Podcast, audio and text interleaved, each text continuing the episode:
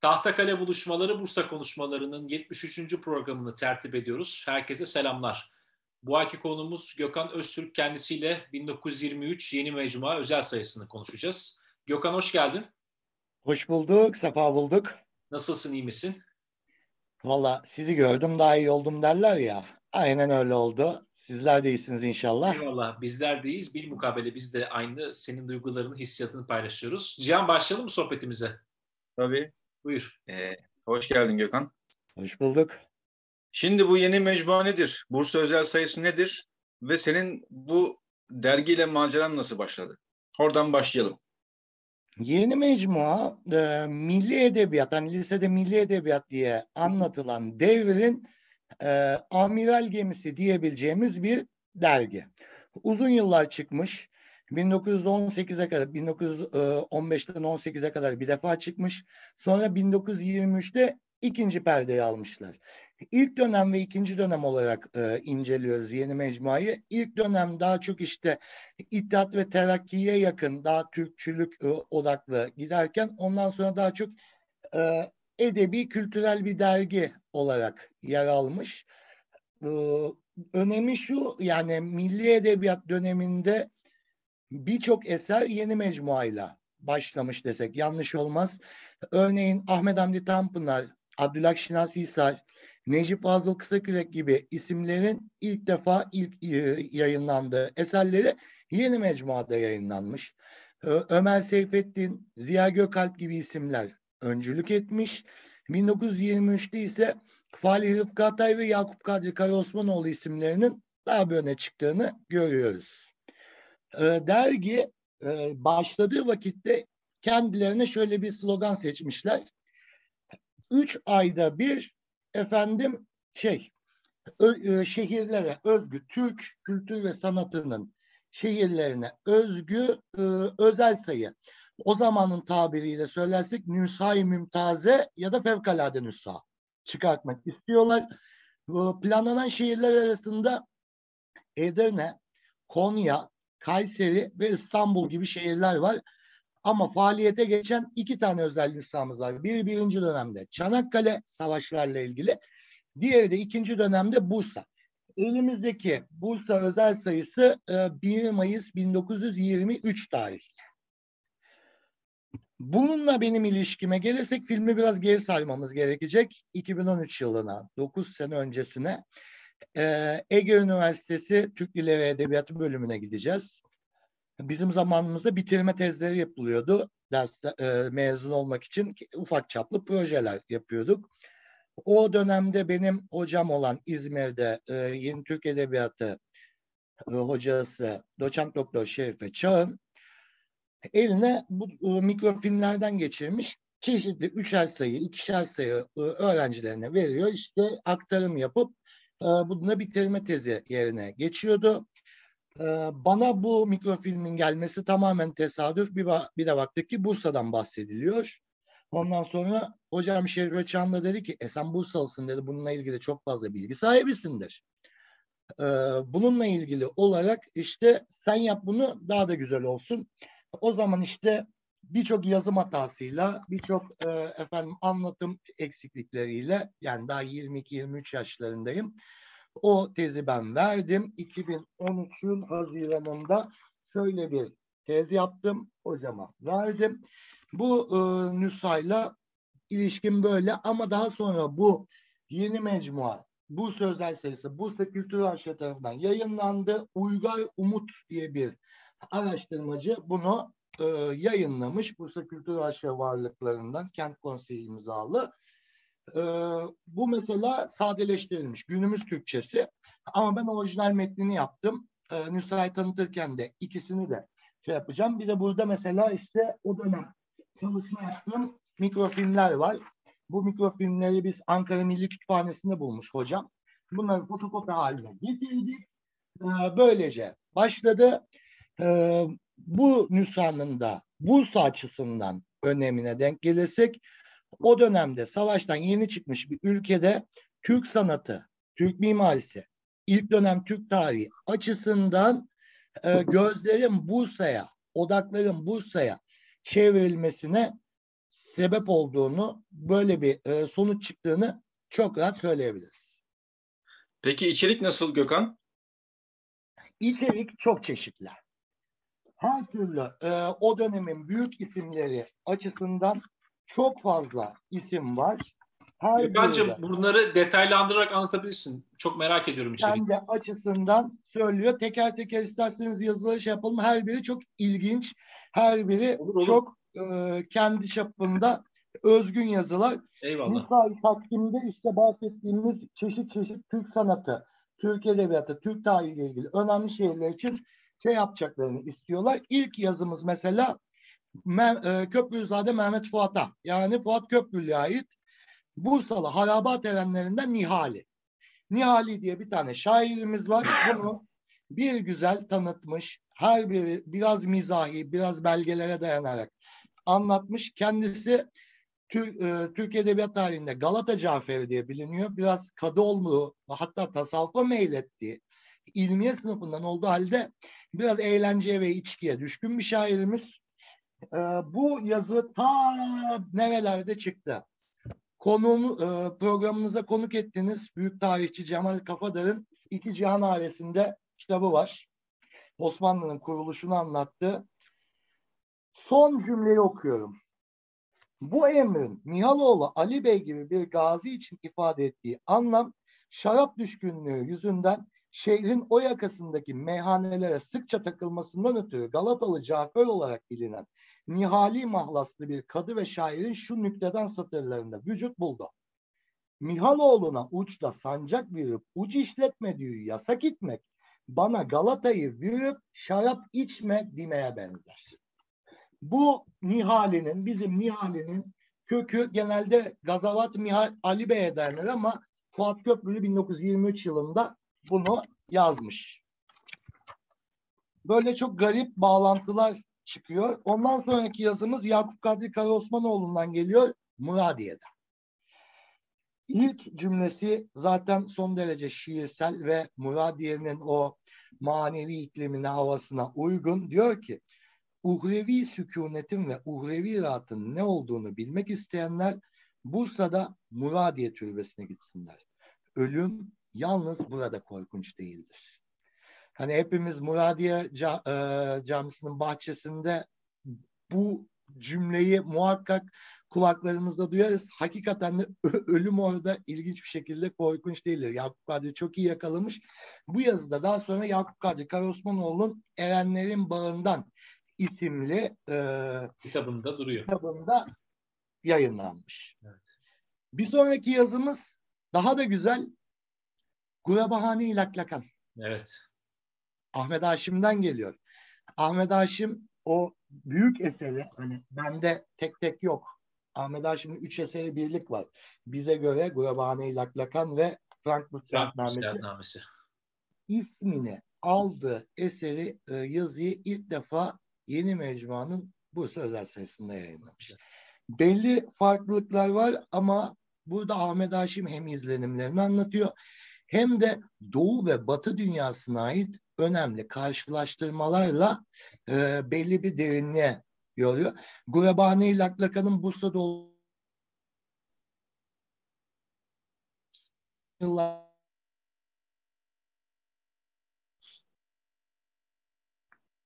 orada bakım görüyor. Laklakan aslında orijinal yerinde. Daha sonra o ev bulunmuş şu anda yok ama Setbaşı Köprüsü'nün Irgan diye bakan taraflarından olduğu söyleniyor. O evden kalma Çiniler var bu arada. Nerede?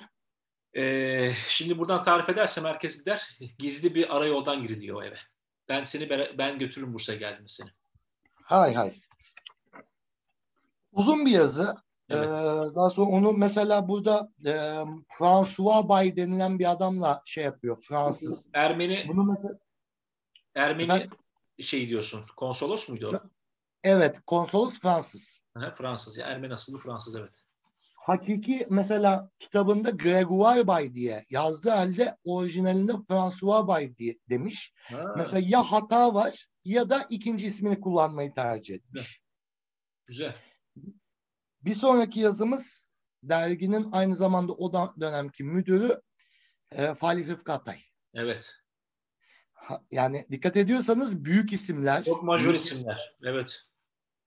Yani her biri Bursa için çeşitli gözlemlerde bulunmuş. Her biri Bursa için kalem oynatmış. Bu yazılar tarihe kalmış. E zaten yani dergide tarihe kalsın diye söyleniyordu.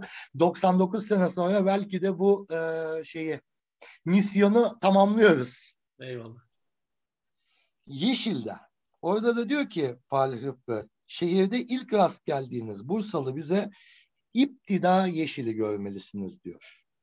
Anadolu tabiatında ve Türk sanatında Bursa'nın hususiyetine buranın ismi kadar hissettirebilecek bir kelime bulmak mümkün müdür? Bu dönemde yeşil e, yazının nüshanın genelinde yeşil türbe, yeşil semti ve yeşil camiye özel bir önem atfettiğini görür, atfedildiğini görürüz. Neden? Çünkü bu milli edebiyat neslinin özel bir şeyi var. Misyonu var. O da şu. Dönemin sosyal ve siyasal şartlarıyla da doğrudan ilgili adamların asıl niyeti Türk sanatını dünyaya duyurmak. Yani bahsetmeye çalıştıkları şey şu. Türkler barbar değildir. Türklerin çok ince bir sanatı vardır. Örnekleri de sayısızdır. O yüzden hep bir Türk sanatı üzerinden gidecek. Edebiyat ve tarihten başka. Ondan sonraki yazımız büyük tarihçimizden geliyor Ahmet Refik Altınay. Yeşil Bursa payitaht iken uzun uzun yazmış. Üç sayfa kadar.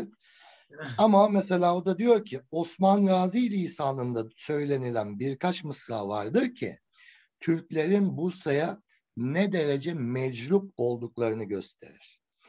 Eski yeni şehri bari İnegöl'e kadar hep bari kırıp geçirdik ayarı Bursa'yı yık tekrar yap. Bu arada bu benim mottom biliyor musun? Yani bugün Bursa'nın yeniden yıkılması gerekiyor yapılması için. Osman Gazi diyorum tılsımı zaten 600 sene önce vermiş. Aynen öyle. Bu maniyle beraber ama bunun da tarihsel dönem içinde önemli bir yeri var. Bunun buraya konmasının bir sebebi var. Bursa Yunan işgalinden çıkılmış. Bursa evet, evet. hakikaten yıkılmış. Evet yıkılmış. Madden yıkılmış yani. Madden yıkıldığı için zaten ondan önce de işte bir deprem sürecimiz vardı bir 50 sene kadar evvel. Vefik Paşa bir şeyler yapmaya çalışmış ama üstüne bile işgal bulununca aman Allah'ım eh, o dönemde de Cumhuriyet'in Bursa'ya verdiği önemi biliyoruz. Doğrudan bu mottomuzla ilgili olsa gerek ve ondan sonra da uzun uzun ta Sultan Murat Han'a, Han'a 2. Murat'a kadar uzun uzun getirilmiş. Bir sonraki yazımız isimsiz mim ve sin harfleri var. Yeşilde tezinat. Şimdi bu meşhur söylentidir bilirsiniz. Yeşilin son onarımından sonra aslına ait e, rengini kaybettiği. Hı hı, evet. Bununla ilgili çok fazla şey yok ama sözel olarak eski yeşile dair çok fazla bilgi buluyoruz burada. Yani e, yeşil cami ve yeşil türbenin eski haline dair elimizde bir çizim, bir e, tasvir olmasa bile en azından burada betimlenmiş. Bu da biraz, oldukça... Biraz okur musun bize? Tabii ki. Mesela e, biraz daha şey olanlarından bakalım. Hani bugün de mukayese edelim hem zihnimizde. Bunun e, dili biraz şey bu itibariyle Yeşil Cami'nin tezinat dailesinde yani gerek Çin'i tezinatında gerek Elvan'ın ahenk ve tezinatında ve bunların icra ve istimalinde Bursa'nın veya İznik'in Çin'i destgahından vasi mukayasta istifade edil, edilmiş olduğuna zerre kadar şüphemiz yoktur. Dili biraz eski. Ee, buradaki dilin en azından aha, mesela bak burada Arapların bir şey dedikleri tam olarak bilmiyorum o şey. Usulün tarzı diğer olup hele tavanı türlü şükufeden eşkali muntazamay hendesiyeden müteşekkil ve açık Türk mavisiyle hmm. kırmızı ve yeşil ve turuncu ve beyaz renklerle mülvin adeta mozaik bahçesi manzarasını araya eder. Çok güzel. Çok ilginç, çok güzel e, yazılar var ama bunun da yazarı belli değil. Mim ve Sin. Artık Allah biliyor kim. Mehmet Süreyya olma ihtimali var. Çünkü Mehmet Süreyya Bey'in başka bir yazısı var ama şey olarak söyleyemeyiz bunu. Sicilli Osmani. Öyle mi? Evet. O Mehmet Süreyya. Hmm, Bir ihtimal olabilir evet. Bir sonraki yazımız is- e, yazarı belli değil. Yani anonim bir yazı işgal altında Bursa. Hmm. Şimdi bu burada tarihi bir yazı değil. Güncel bir yazı. Neden? Hafızalar taze. Hmm. O dönem yani 1923'ten bahsediyoruz. Hepitobu bir sene olmuş Bursa kurtulalı. Bursa'daki o yani yanık izleri dahi var. Ve o noktada bu Bursa işgal altındaki halini o mesela şeyi müsaadenizle buradan hemen göstereyim. O e, Sofokles'in meşhur fotoğrafını hepimiz biliriz. Osman Gazi Türbesi'ndeki fotoğraf mı? Evet, onu buraya koymuşlar ve e, yani elini atmış işte sandukaya. Diyor ki Venizelos'un oğlu Sofokles Osman Gazi türbesi, e, türbesi önünde Hı hı. yazmış. Uzun uzun anlattıktan sonra bir tane Türk çocuğunu elinde bayrağıyla böyle koymuşlar. Rövanş Ve almışlar. altına, altına da yazmışlar ki intikam ve şeref günü. Hı. Ve buradan da öğreneceğimiz e, şunlar yani mesela şeyler kurtuluş kuvvetleri Bursa'ya hangi yönden geldiler? Hı hı. Ne taraflarda çarpışmalar oldu? Bunlarla ilgili çok fazla hani bilgimiz yoktu bu noktada. En azından bunu buradan öğrenelim. Diyor ki İstidat gününün gecesi bu münferit endişe içinde geçti. Şafak sökerken ovadan fasılalı surette top tarakaları, tüfek sesleri geliyor. Arada bir Rum kuvvetleriyle iştihal görülüyordu. Tepecik, Köprübaşı, Hasana, Samanlı köyleri Kızılalevlere, kara kesik dumanlara bürünmüştü. Yangınlar Rum kuvvetlerinden Müslüman köylerine de sirayet etti. Keşif kollarımız Işıklar Mektebi'ne yaklaşmış, düşmanı şarapneller savurmaya başlamıştı. İstasyondaki iki top mütemadiyen ateş ediyor, ovadan gelen süvariyi karşılıyor. Dağdan püskülsüz denilen maruf 20-30 kişilik çetenin aras, arada sırada endahtına müşahede olmuyordu. Ateş saat 4.30-5 arasında istasyon civarındaki baruthaneyi infilak ettirdi ve bu işgal civarında kulübeyle birkaç ev sahibine zarar verdi. Yarım saat süren bu yangın Bursa'yı sarmış, sayılamayacak şekilde mermi şakırtısı muharebe nedir bilmeyenler ağlatmaya başlamış. İlk olarak Bursa'ya girenler Efe kuvvetleri, öncü birlikler. Kuzeyden giriyorlar yani Uludağ'ın arka tarafından ve ondan sonra ertesi günde e, Kolordu komutanı Şükrü Naili Paşa, Şükrü Naili Gökberk ka- karargahı ile birlikte şehre girmiş ve halk bir heyeti ilmiye riyasetinde şehir haricinde Dua Çınarı'na kadar istikbale çıkmıştır. Şimdi baktığımız zaman İzmirliler Fahrettin Altay'a özel bir önem gösteriyorlar. Meydanı var, istasyonu var. Fahrettin Altay İzmir'le özdeşleşmiş. Bursa için bunun karşılığı Şükrü Naili Gökberk'tir. Evet. Çok doğru söylüyorsun. Ve bildi, bildiğim kadarıyla sadece bir tane okul var Şükrü Naili Bey adına. Evet okul var. Benim de ben de onu biliyorum. Şükrü Naili bu arada Selaniklidir yani. Hani Bursa, Evet. Bursa'da bir göçmen kenti olduğunu düşünürsek Balkanlardan gelenlerin yoğun nüfus olarak e, meydana getirdiği şehir olarak düşünürsek Şükrü Nail'in zaten her türlü heykeli, büstü, rölyefi bir şeyin olması gerekiyor şehirde. Yani en azından bir cadde bulunması Evet. lazım gelir Evet. ya. İzmirliler çünkü Fahrettin Altay'a evet. çok büyük bir saygı besliyorlar. Aynısı bizim için Şükrü Nail Paşa için geçerlidir. Biz buradan kaydımızı düşelim. Belki birileri izler dinler. Gökhan'cığım vesile olmuş oluruz. İnşallah. Bir sonraki yazımız Eski Bursa. Kim yazmış bakalım? Mehmet Eski Ziya. Bursa e, Mehmet Ziya. İrtifalci Mehmet Ziya Bey. Bu e, Mehmet Ziya şu anda çok tanınmıyor ama zamanında e, ölen kişiler için çok fazla anma toplantısı düzenlediği için adamın adı çıkmış İrtifalci. Mehmet Ziya Bey. Hiçbir cenazeyi kaçırmıyormuş Cihan. Katiyen. Ve ölümlerinin yıl dönümünde işte Tevfik Fikret, efendim bilmem kim hepsini anma toplantıları Tabii. Anmacı adı çıkıyor işte.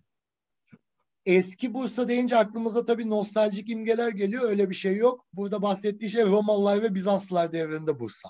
Eyvallah. Yeah. çok zor bir yazıydı. E, çünkü hani bilmediğimiz isimler, bilmediğimiz şeyler, e, hakim olmadığımız bir alan. Yok atıfı ne? Kaynakçası ne? Atıfı bilinen yok.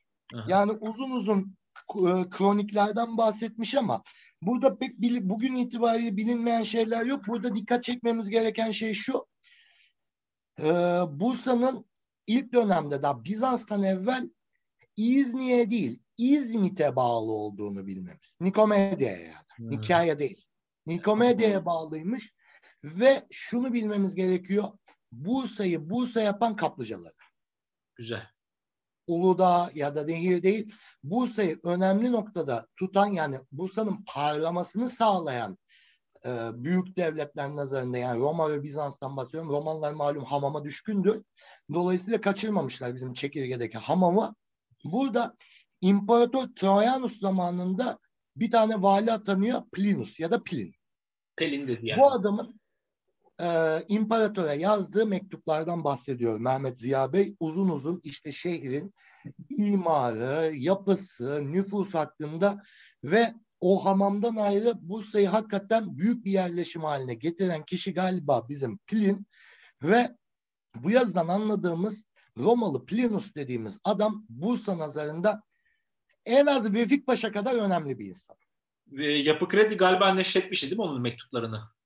Evet ben o kitaba vakıf değildim o zaman. Sonradan edindim. O noktada çok net söyleyebiliriz. O mektuplar nasıl kalmıştı şans eseri Allah biliyor. Ama oradan Bursa'nın o dönemki halini çok rahat e, şey yapabiliyoruz, takip edebiliyoruz. Evet çok ilginç sosyal şeyler de söylüyorlar mektuplarda. Roma'dan sonra Bizanslar devrinde Bursa'yı da yazmış Mehmet Ziya Bey. Burada tabii ki en önemli bilinen şey e, İmparator Justinianus'un eşi Theodora ile beraber kaplıcalara e, dinlenmeye gelmesi, çekirge sırtlarında sayfiye yapması, dolayısıyla Bursa'yı da önemli noktaya koyan bu oluyor. E, Gökhan mahiyetinde 4000 kişiyle Teodora'nın geldiğine dair bu tevatür orada geçiyor mu mesela bilgi olarak? Evet. Müsaadenizle. Biraz bekleteceğim ama. Yok, Onu bir e, bulmam lazım. E, ben çünkü birkaç kaynakta bunun biraz böyle e, düşük bir rivayet olduğunu okumuştum. O yüzden sordum bu soruyu sana bilerek. Orada Theodora'yı burada bulmak gerekiyor. Çekirgeden bahsediyor. Ha. Hatta Justinianus'un, Justinian yazmamış da hani eski Rufat'la e, Justinianus'un zevcesi meşhur Theodora 524 senesinde 4000 kadar mahiyeti halkıyla Bursa kaplıcalarına gelerek orada günlerce zevkü sefalar sürdüğü mekaşat-ı seharifi tarihtir. Tamam çok güzel harikulade. Ayasofya'yı yani onu... yapan adamın karısından bahsediyoruz. Ve araya sayfa kısımlarına küçük küçük şeyler e, e, konmuş. Bursalı şairlerden intihap.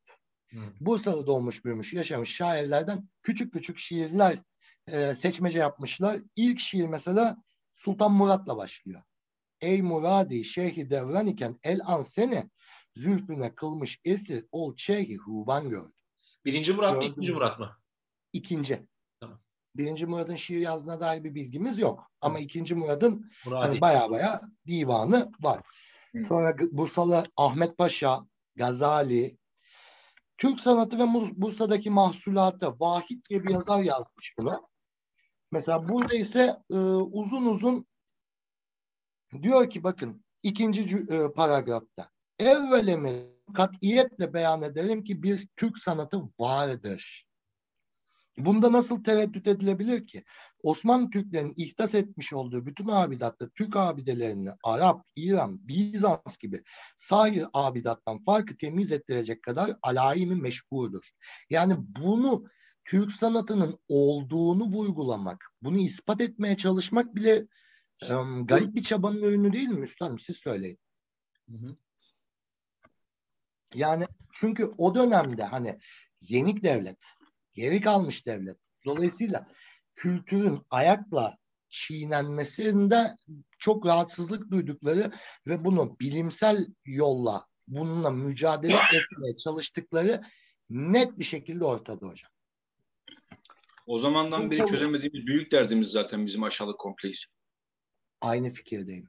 Ama aşağılık kompleksine e, te, tepki göstermek de katmerli aşağılık kompleksi oluyor. Evet. Orada kendimizi ele veriyoruz tepki gösterince. Evet. Bu da işte bir reaksiyonun ürünü desek yanlış olmaz. Ama ne var? Bilimsel gayelerle ve ciddi emekle şey yapıldığı için yani bunun e, unutulmaması gerekiyor Bursa özelinde. Mesela Bursalı Arif Çelebi'den bir tane rubai çıkmış. Diyor ki gördük Çelebi'nin hasretle ah edebilsem. Ol Gonca'yı Suzi dile agah edebilsem. Arif yine az mı sefere gurbet iderdim. Ol gözleri ahuyu da hemrah edebilsem. Güzel. Yani çok ince, çok güzel bir söylem böyle. Buna çok hoşuma gitti. Özellikle hani okumak istedim. Sonra Yeşil Cami.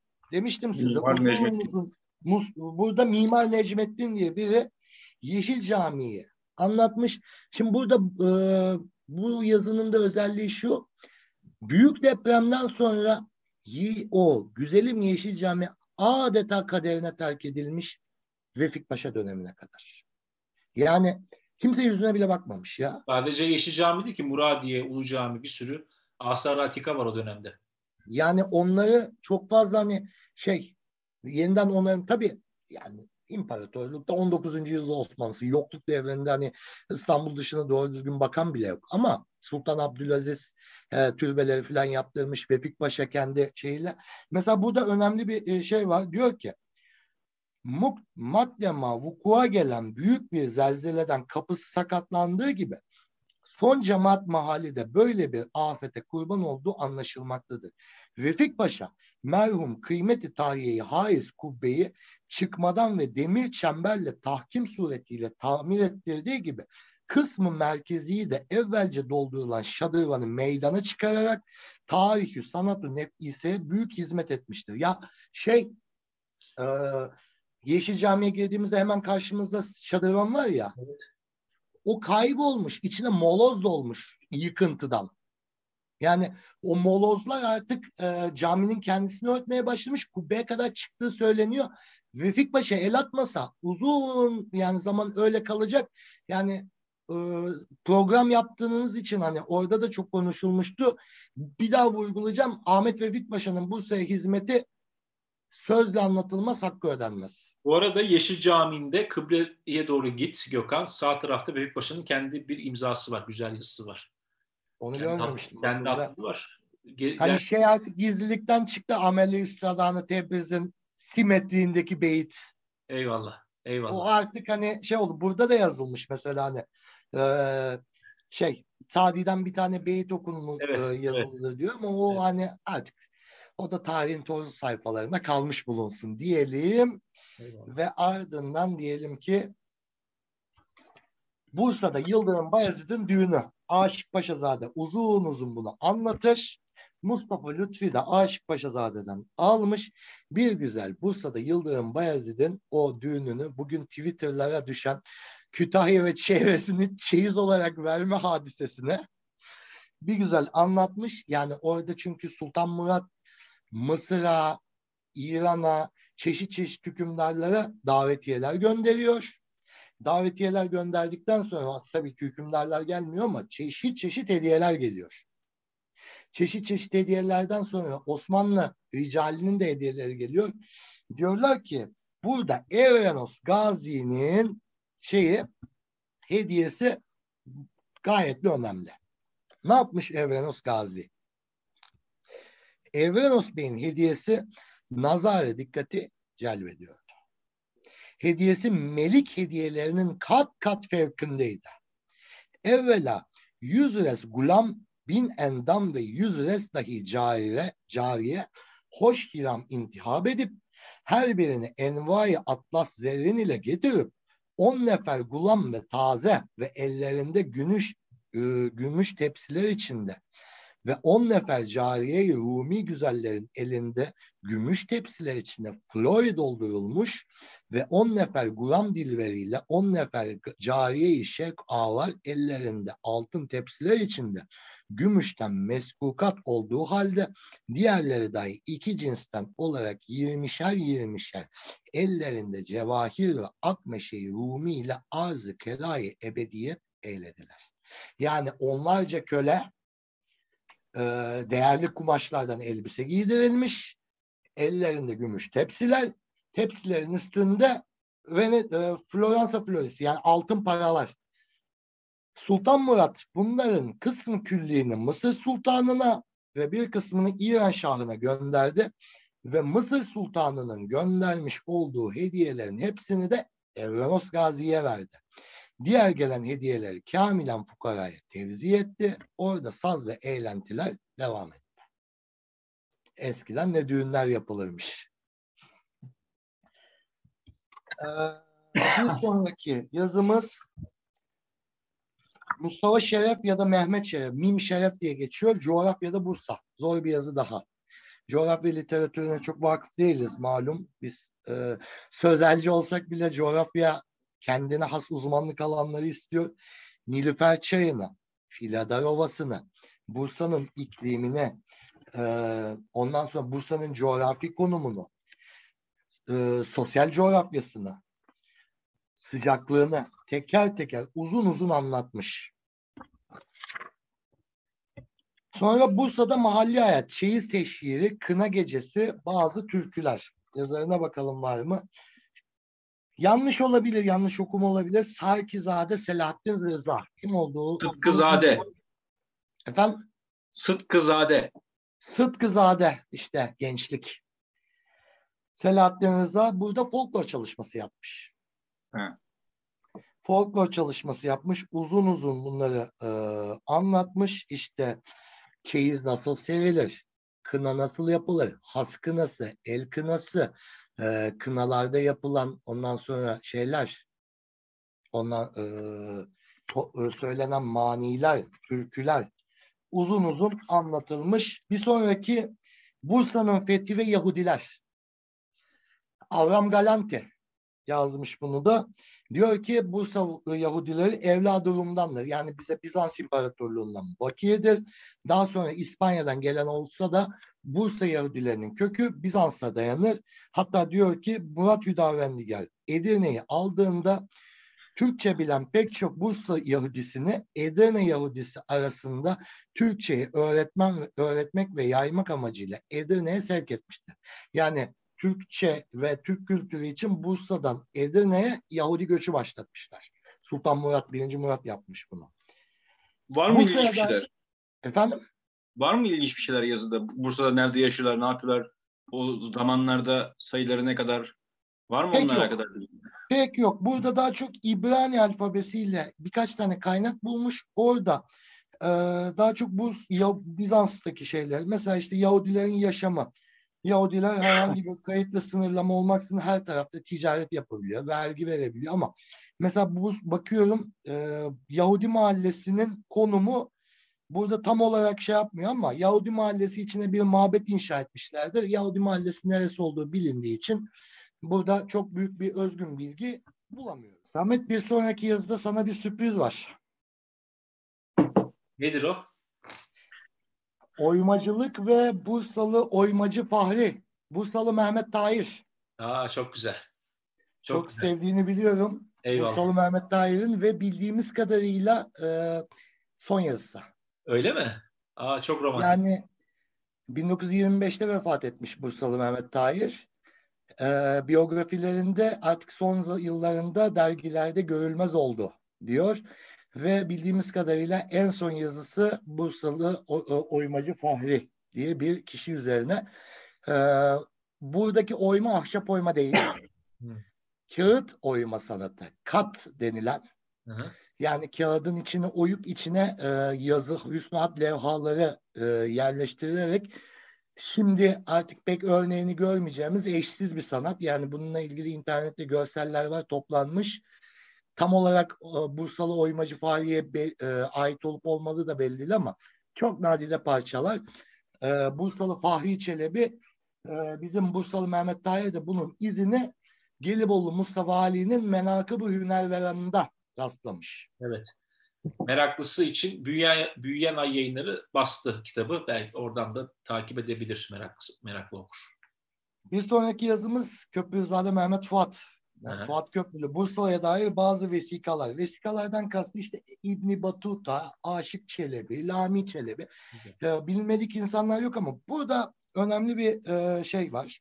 Bir cümle var. Müsaadenizle ben onu okuyayım. Türk sanatının en güzel mahsullerini ihtiva eden edebiyatımıza Süleyman Çelebi, Ahmet Paşa, Celili, Aşık Çelebi gibi pek çok simalar veren Bursa ma teessüf hala kendi müverrihini bulamamıştır. Şimdi üstadlar, burada bir Bursa şairi, bir Bursa tarihçisi, ben deniz bir Bursa öğretmeni olarak biliyorum burada soruları siz sorarsınız ama Bursa kendine müverrihini bulamamıştır derken bir naciz soru bu cümleden bize düşen bir hisse e, var mıdır? Bunu da bir düşünmek lazım. Eyvallah. 100 sene sonra. Var var. Var. Büyük Değil mi? Ben de öyle düşünüyorum. Var. Yani e, bu programın misyonu ondan sonra konu konukların uzmanlığı ve her programda getirilen özgün bilgi ve bakış açıları sanırım artık diyor ki Bursa müverrihlerini buluyor. İnşallah. 100 sene sonra Köprüzade Mehmet Fuat'a borcumuzu ödemiş olalım. Eyvallah. Bir sonraki yazımız bir önceki programımız. Bursa'da İpek Böcekçiliği. Evet Kenan abiye saygılar tekrardan. Uzun uzun Mehmet Süreyya Bey anlatmış. E, e, yani burada da o dönem için işte İpek böcekçiliğinin o dönemki teknolojiyle nasıl yapıldığı, ürünlerin nereye satıldığı gibi bilgiler var. Bir sonraki yazımız dostumuz Evliya Çelebi, Mustafa Nihat Özon yazmış. Dostumuz Evliya Çelebi, Bursa'dan bahsedilir de Evliya Çelebi'den bahsetmemek olur mu? Eksik kalır. Uzun uzun işte o ama şimdi şunu bilmek lazım. Ee, bunlar bugün için bilinen bilgiler ama o dönem için çok bilindiğini söylemek yanlış olur. Evet. Yani Evliya Çelebi'nin Bursa hakkında neler yazdığını bugün ezbere bile biliyoruz. Ama Evliya Çelebi olsun, ne bileyim işte Lami Çelebi olsun. O dönem bunlar e, rağbeti yeni artan kaynaklar. Bilinmeyen şeyler değil, değeri bil, bilinen şeyler. Bu noktada önemli. E, bizim evliyamız da tabii ki çarşılarını, hamamlarını uzun uzun anlatmış. Demiş ki Çarşı böyle olduğu hariçle mekülat ve meşrubat satanlar da baştan aşağı Müslümandı. Ekmekleri, hamur işleri meşhurdu. Hı hı. Kebaplarıyla hoşaflar Bursa'da Bursa'ya ziyarete gelenlerin memleketlerine götürdükleri hatıraların belli başlarıydı. Bursa'nın kahvelerinden sonra meşhur bozahaneleri gelirdi. Adetleri 90'a bağlı olan bozhanelere girmek Bursa'da ayıp telakki edilmezdi. Oralarda ilik gibi sızma bozalar, Handan Bey şerbeti, Petrelioğlu şerbeti, Karanfilli şerbeti, Müncahoğlu şerbetleriyle kahvelerindeki gibi saz ve rakkaslarda bulunurdu. Hazır mübarek Ramazan ayıydı. Ayında yani böyle iftar sonrası e, güzel şerbetlerinde en azından imgesini zihnimize getirelim. Bu arada Gökhan Şükrü Naili Paşa'da olduğu gibi e, şurada bu notu da düşelim.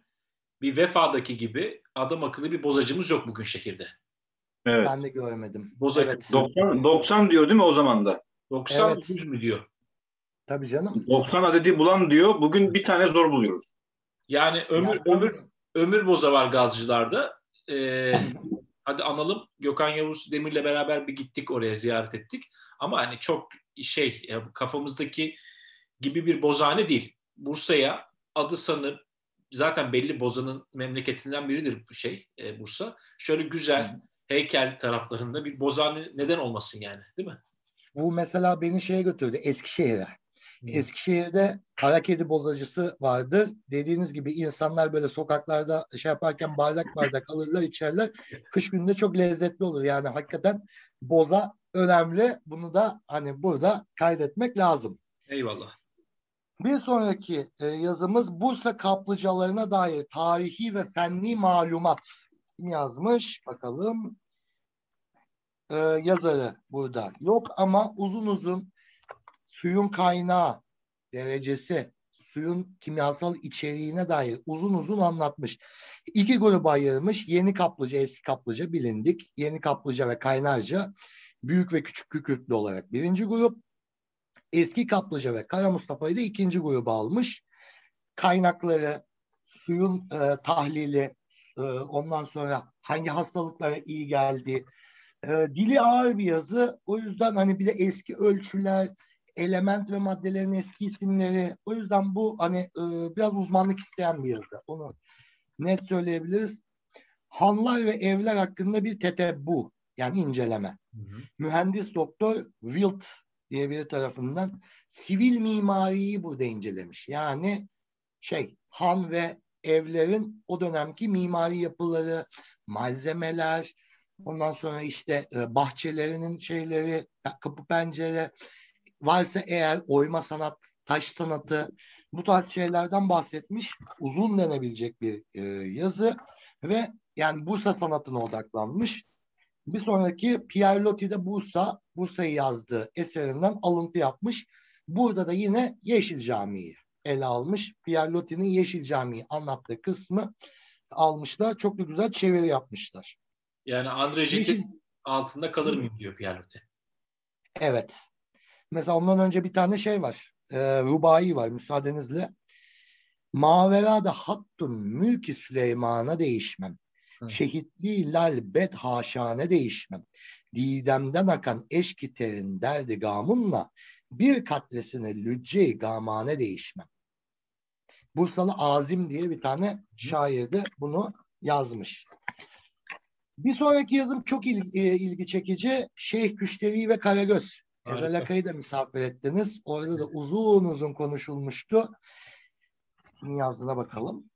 Ee, bunun da yazarı yok ama e, bu şeyin Karagöz'ün Bursa'daki kısmına daha az. İşte şey Küşteri zaten bunların hepsi muamma, Karagöz, Hacivat uzun uzun anlatmış ama ondan sonra Karagöz'ün o dönem İstanbul'u ve Osmanlı tarihindeki şeyine dönmüş.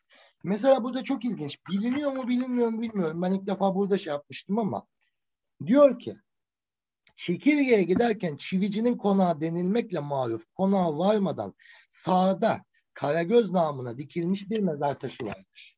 Bursa'nın istilasında Yunanlılar bu taşı kırmışlar. Kitabesi şudur. Nakş sanatını remzeder hüsnünde ruhiyet perdesi. Hı hı. Haci hüküm ezeldendir hakikat perdesi. Eyvallah. Siret-i surette mümkündür temaşa eylemek. Hail olmaz aynı irfana basiret perdesi. Her neye iman ile baksak olur iş aşikar. Bu hayale alemi gözden geçirmektir hüner.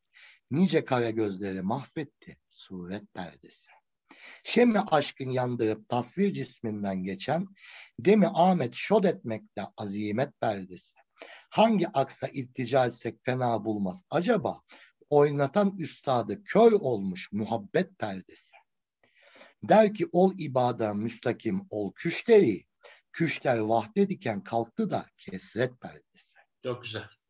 Çok güzel. Çok güzel. Bir de burada bir tane fıkra var. Bu benim çok hoşuma gitti. Ee, üçüncü Selim dönemine ait. Oradaki hayalilerin hayatını uzun uzun anlatıyor da. o dönemin önemli e, hayallerinden Hafız Bey Huzur Selim Salis'te bir gece hayal oynatırken oyun Karagöz'ün ağlı olup Ketüdası Hacivat Çelebi bir takım kölelerle cariyeler getirir. A kölelerden birinin isminin Selim olduğunu tahkik etmesi üzerine yüksek sedayla Selim diye çığırır. Hakani Müşani de Belahi Raif ile Lebeyk cevabını verir. Evet. Mütakiben Hacivat Karagöz'ün karşısına geçip ee Karagöz huzur şahanede bir sürçü nisan ettik ki fimavat affı kabil değildir. Şevket Mehap Efendimiz sana hacca ruhsat buyurdular. Artık tövbekar olup hacca gideceksiniz der ve derhal perdesinin arkasındaki şemayı puf diye söndürür. zat şahane telaş edip hafız vallahi gücenmedim. Muradım latifeydi. Kesme oyuna devam eyle buyururlarsa da hafız Cenab-ı Hak ömrü şevketinizin müzdat buyursun efendim. Kusurumu af buyurdunuz lakin sanat itibariyle bu hata kulunuzdan sadır olmamak lazım geliyor. Madem ki vaki oldu benim meziyetim kalmadı cevabını verir tövbe edip hacca gider. Üçüncü Selim'in huzurunda başka bir e, Karagöz oyununda işte hayali Selim diye bağırmış. Bizim üçüncü Selim'de eskili olsun diye efendim demiş. Hafız, hayali hafız baltayı taşa vurmuş. Gönüllü sürgüne göndermiş kendini hacca giderek. Öyle bir sürçülisan etti ki bunun affı kabil değildir. Yahu demiş espri olsun diye yaptım demiş padişah. İnadından vazgeçmemiş. Hayal perdesini kapatmış. Hacca gitmiş. Çok güzel. Bursa'daki ziyaretgahlar için rehber. Gezi rehber yapmışlar. Küçük camileri, işte bildiğimiz Ulu Cami, Yeşil Cami, Muradiye, Şehadet Cami kısa kısa bilgilerle tanıtmışlar. Türbeleri anlatmışlar. Sultan Osman, Sultan Orhan, Murat Hüdavendigar, Yıldırım Bayezid, Murad-ı Sani Türbesi diyor. Kanunioğlu Mustafa Türbesi, Ondan sonra Şehzade Mahmut Türbesi, işte ikinci Bayezid'in oğlu, Cem Sultan, Alem Şah, Gülür Sultan Türbesi gibi türbeleri, Emir Sultan Türbesi uzun uzun anlatıyor. Ve son yazımıza geliyoruz. Bursa'da metfun vüzera yani Bursa'da gömülü olan vezirler. Çandarlı Hayrettin Paşa'nın oğlu Gazi Ali Paşa. Gazi Timurtaş Paşa en bilinen vezirimizdir yani türbesi en bilinen vezirimiz Timurtaş Paşa tali ona gülmüş. Aynen. Bursa'nın her yerinde hiçbir vezirin belki şeyi e, ve mezara Bu çok kadar göz önünde değil. Bilinmez ama Gazi Timurtaş Paşa'ya yüzyıllar sonra talih vurmuş herkes hatırlamış. Gazi Umur Bey. Ee, ondan sonra bakıyorum İbrahim Paşa, Çandarlı Hayrettin'in oğlu. Hacı İvaz Paşa, Kara Mustafa Paşa bin Hamza Bey. Koca Mustafa Paşa, Eseyit Cafer Paşa, ee, bildiğim onun dışında birkaç kişi daha var. Onlar madde madde yazılmamış. Müdürüm, müdürü mesul Falih Rıfkı denmiş ve bizim 1923 Bursa nüshamız burada bu güzel isimlerle, bu büyük, büyük yazılarla sonlanmış. Gökhan ben şey merak ediyorum. 1924'te yanılmıyorsam Ziya Gökalp vefat edecek. E, mecmuanın zaten fikri üstlenicisi şey değil mi? Ziya Gökalp. Doğru biliyorum. Evet doğru. Bu, bu Ziya... Bursa özel sayısıyla alakası var mı? Ee, yeni mecmuayla var. Bursa özel sayısıyla alakası yok. Neden? Ziya Gökalp o ara Ankara'da Büyük Millet Meclisi'nde. Tamam eyvallah. Bir şey daha söylemek istiyorum. 25 sene sonra bu dergi çıktıktan 25 sene sonra 1948'de bir Bursa Fevkalade sayısı daha çıkacak. Ee, Şevket Radon'un bu sefer e, yönetmenliğinde. İşte Muhip Dranaslardan Tanpınar'a e, adları şu an aklıma gelmiyor. Bir sürü dönemin münevverlerinin Bursa'sı şey yapacak. Yeni perdeyle yeniden e, okurlara sunulmuş olacak. Buradan şuraya bağlayacağım. Bursa neden bu kadar fevkalade önemli? Bursa yani şöyle hmm, İstanbul'un fethinden sonra Bursa önemini kaybetmemiş diyenler haklı. Bursa ikinci plana gidilmiş diyenler gene haklı. Yani o konuda çok karmaşık ikisine de kanıt buluyoruz malumunuz ama işte o dönemin insanları yani e, bu Türkçülük akımında milli kaynaklara yönelme konusunda en zengin yer Bursa.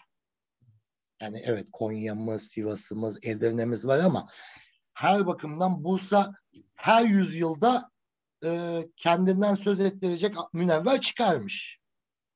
Ondan sonra her yüzyılda eser gelmiş ama 19. yüzyıldan sonrasında öze dönüş bu noktada. Bu bahsettiğimiz bu sözel sayısı da bundan çok farklı değil. Hani çünkü e, o dönemin Bursa'sı e, bahsettiğimiz Tanpınarlar, Dranaslar da buna e, el koymuşlar. E, tabiri caizse biraz da melankolik ya. Evet, ondan. Yani o hava hepimize silmiş çocukluğumuzdan beri. Biz o havayı ancak başka şehirlere gittiğimizde başka bir hayat olduğunu anlayabilmişiz. Eyvallah. Maalesef. Nereden Kerem?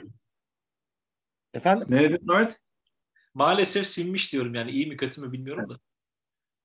E, nereden buluyorsun o melankolik havayı? Yani ya e, ağır yani Bursa'nın o havası neticede o taşların rengi bile koyu hani çünkü İstanbul ve Edirne'deki e, mimari daha beyaza çalar ama Bursa'daki o şey mimari eserlere dikkat edin koyu renklidir daha toprağa çalar. Bana sorarsanız o renk bütün şehre sinmiş ya. Surundan, camisinden, köprüsünden İstanbul ve Edirne'de dediğim gibi daha böyle açık renkler hakimken Bursa o Sel, e, Beylikler ve Selçuklu mimarisinin uzantısı olduğu için e, bahsettiğimiz o terk edilmişlikle bu biraz birleşince ister istemez o melankoli kaçınılmaz oluyor. Eyvallah. Yaşanılan hadiseler o şehrin yaşayanlarına da sirayet ediyor yani yıllar geçtikçe. Ben de aynı Yine. fikirdeyim. Ben de aynı peki, fikirdeyim. Peki tüm bu okuduğun Bursa ve yaşadığın Bursa'yı karşılaştırdın ve e, bu yaşa ve bu yıla geldiğin zaman senin Bursa'da Bursa dediğin zaman senin zihninde canlanan imge nedir? Hem son toparlamak adına son sözler adına neler söylersin? Çok güzel ve e, az önceki söylediğime dair çok güzel bir e, bağlantılı bir cevap olacak. Yani biz o melankolik havanın içinde doğduğumuz için başka bir hayat olduğunu başka şehirlere gittiğimizde öğrendik.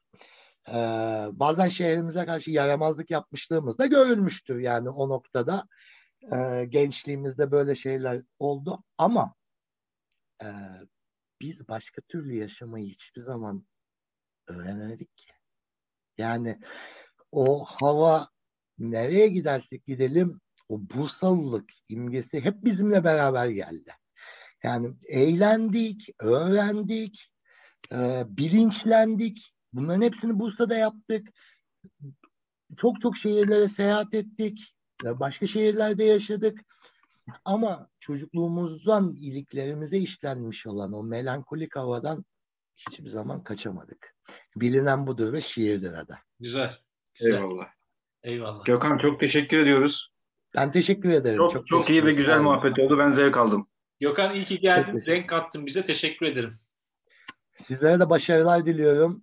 Ee, inşallah Tahtakale buluşmalarını e, çok geniş kitlelerce e, izlenmesi yanında yani Bursa tarihine yaptığımız hizmetle belki bir yüz yıl sonra böyle bir kanal varmış, böyle videolar varmış derler. Eyvallah. İnşallah. Teşekkür ederiz. Çok sağ olasın.